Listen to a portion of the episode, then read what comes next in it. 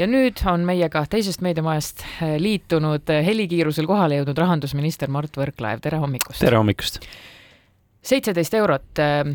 õpetajad nüüd siis saavad, kas me saame õigesti aru, et kas seitseteist euro oli, eurot oli väärt siis see pikk streik, mis meil nüüd oli? õpetajad ei saa seitseteist eurot, et õpetajad saavad oluliselt rohkem muidugi palgatõusu, et äh, riigieelarves äh, prioriteedina haridus oli meditsiiniõdede kõrval ainuke valdkond, mis sai täiendavat palgaraha, kakskümmend viis miljonit. Äh, tõstsime seal diferentseerimisfondi, mis on õpetajate jaoks väga oluline, mis just aitab nii-öelda kaasa sellele karjäärimudeli erinevale rahastusele, mis on õpetajate poolt oodatud ja ka alampalga tõusu.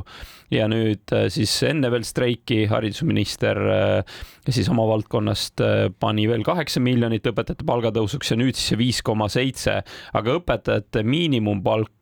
suurusjärgus seitsekümmend eurot tõuseb nüüd sel aastal ja siis keskmine palk tõuseb kahe tuhande ühesaja neljakümne kuuele eurole, mis on kuskil seal sada kolmteist, sada kuusteist eurot. Ja Ida-Virumaal, kuna me panustame ka seitsekümmend miljonit eestikeelsele haridusele, on õpetaja palk sel aastal keskmisena kolm tuhat kakssada nelikümmend kuus. Ehk et nii-öelda müstiline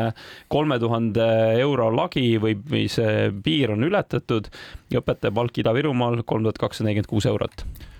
nüüd on siis kõik hästi, õpetajad saavad jube hästi palka, mul on selline tunne nüüd jäänud teie sõnavõtust, et õpetajad enam rohkem ei soovigi, jah? ei, kas kõik on hästi, kindlasti mitte ja ma väga siiralt loodan, et nüüd seesama viis koma seitse miljonit, mis on justkui kõlama jäänud ja seitseteist eurot, et nüüd võiks öelda, et vot asi on lahendatud ja ja olukord on hästi, siis äh, kaugel sellest, et tegelikult see viis koma seitse miljonit ja see, kuidas seda siis nii-öelda poliitiliselt äh, klapitati justkui äh, erakondade poolt ja nii edasi, et minul on sellepärast piinlik, minu meelest on see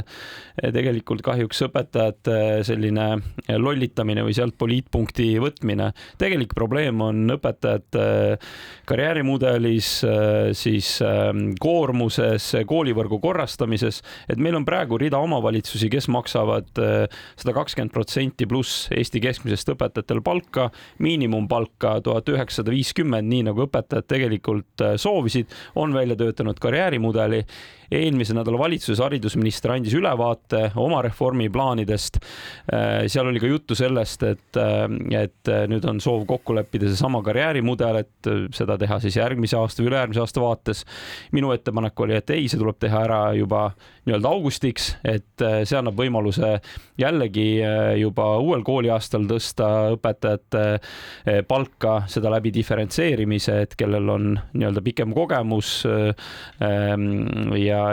saab nii-öelda rohkem palka ja eh, ehk et eh, ma väga siiralt loodan, et nüüd päriselt hakatakse neid reforme haridusvaldkonnas tegema ja seal on tegelikult väga suur hulk raha ka, mida me saame kasutada mõistlikult õpetajate palgaks. lugupeetud rahandusminister, see streik ei oleks ju läbi saanud, kui sotsiaaldemokraadid ja Eesti kakssada poleks no selgasid kokku pannud ja tegelikult ju teatud mõttes Reformierakonnal kambakat teinud. hommikul teile teadmata anti teade välja, et nüüd on raha leitud ja teil ei jäänudki ju muud öelda üle, kui sellega nõustuda. ja ma tahan siia tuua ühe dimensiooni veel sisse. Reemo Voltri ju ütles eile, et Reformierakond ei hooli Eesti lastest ega noortest. noh, kui seda vi viimast nüanssi, mis ma välja tõin äh, ja neid kahte asja kokku panna, siis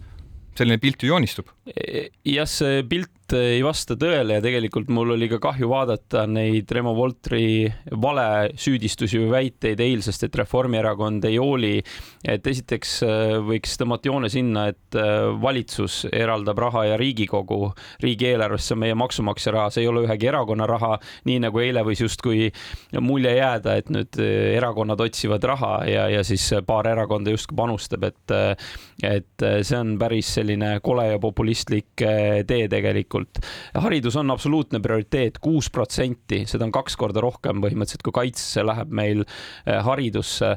Eh, Reformierakond on olnud selle poolt, et õpetajatel on vääriline palk ja siin ei ole jälle ainult sõnadega tegu, vaid vaadata näiteks omavalitsusi, kes tegelikult on ju õpetajate palgamaksjad.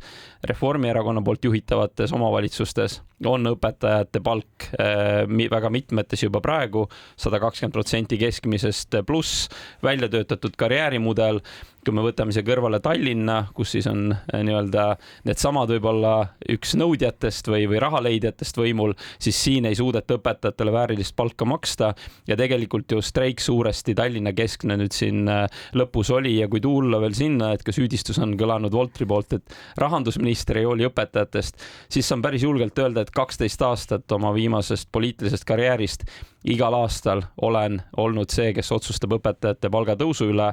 ja olen selle üle võidelnud nii omavalitsuses kui riigis ehk et äh,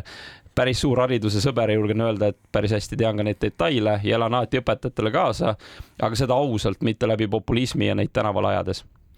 rahandusminister Mart Võrklaev, läheme korra üldisemalt ikkagi nüüd riigi rahakoti kallale. eile oli ju riigieelarve strateegia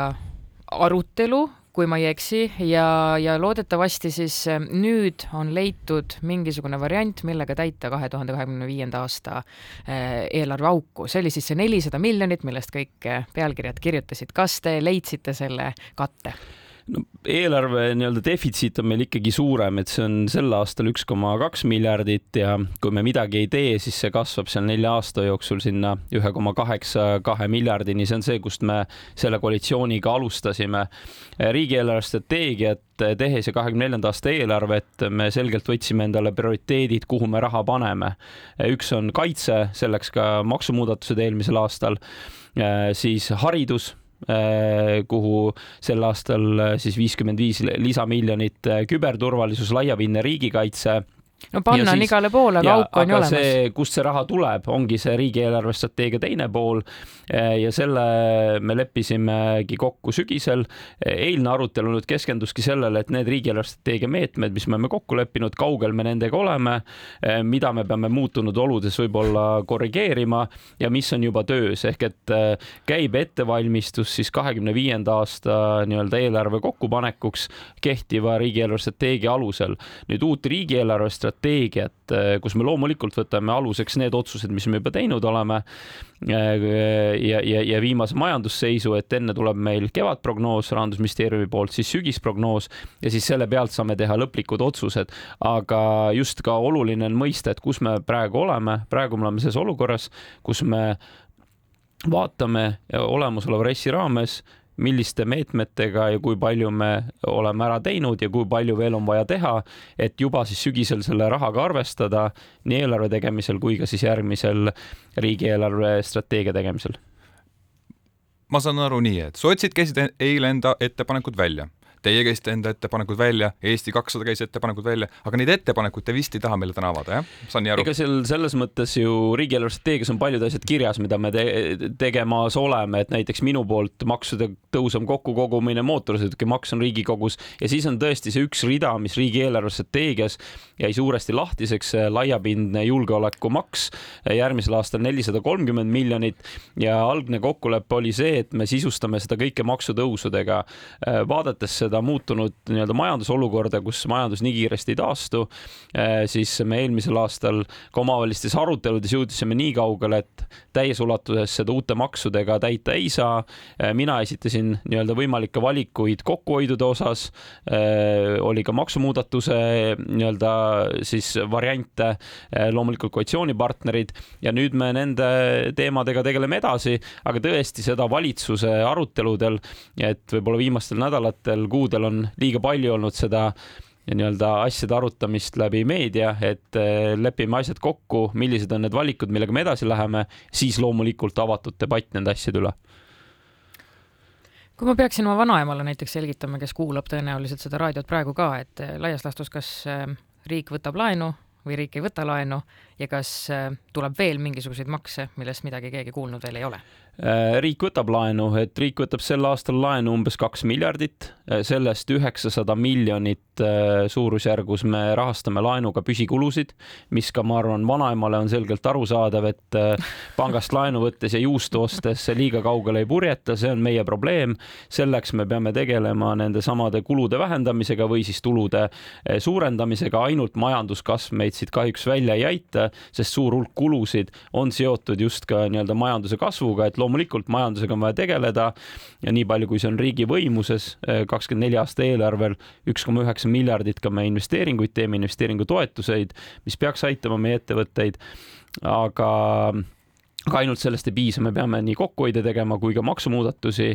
mitmed maksumuudatused on tehtud, need olid hädavajalikud selleks, et katta meie kaitsekulusid kolmele protsendile. Ja ma usun, seda mõistab ka vanaema väga hästi, et kui suur Venemaa meie kõrval äh, nii-öelda sõdib, siis me peame ennast kaitsma, me peame ostma relvastust, laskemoona äh, ja, ja, ja sinna see maksutõusude raha on läinud selleks, et rahastada täpselt sedasama haridust Äh, küberjulgeolekut, laiapindset riigikaitset, äh, mis on laiem kui sõjaline. selleks me oleme veel täiendavaid vahendeid planeerinud eelarves, eelarvestrateegias ja ka sellele on katet vaja. ja lisaks on vaja katet sellele samale äh, nii-öelda püsikulule, mida me rahastame laenust nii-öelda nimetame seda siis juustuks, mis ei ole lihtsalt jätkusuutlik, sest et laen tuleb tagasi maksta, intress tuleb tagasi maksta ja kokkuvõttes tähendab see pikas plaanis veel suuremaid äh, maksutõuse, mis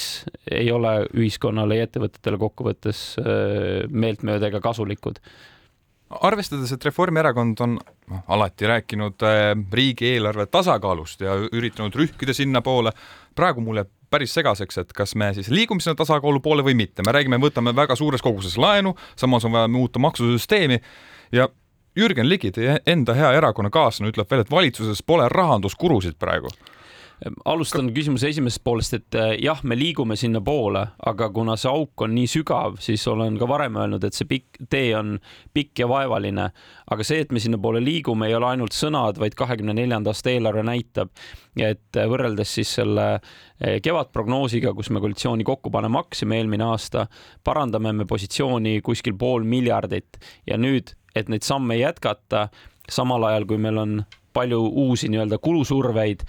ongi see töö raske. me peame vaatama, kust kokku hoida, võimalikult vähe uusi kulusid võtta ja kust leida uusi tulusid.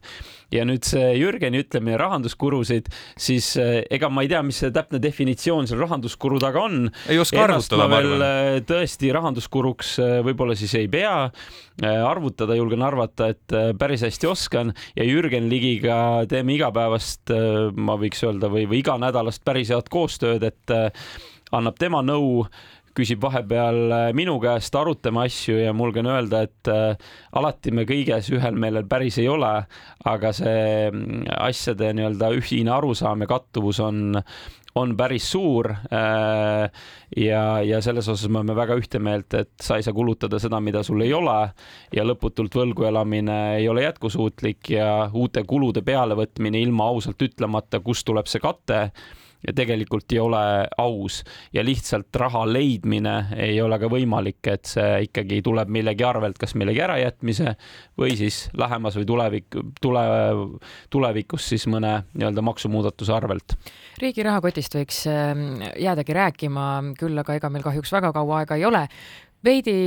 veidi aega tagasi enne teie saabumist käis meil külas EKRE saadik Rene Kokk ja sarnaselt kindlasti väga paljudele teistele poliitikutele opositsioonist tegi ka, on ka temal äh, ettepanek kui selline, et näiteks Rail Balticu võiks külmutada ja kasutada seda kogu raha siis hoopis äh, kaitseinvesteeringute jaoks kas niisugune asi on mõeldav, kui palju te selliseid ettepanekuid saate?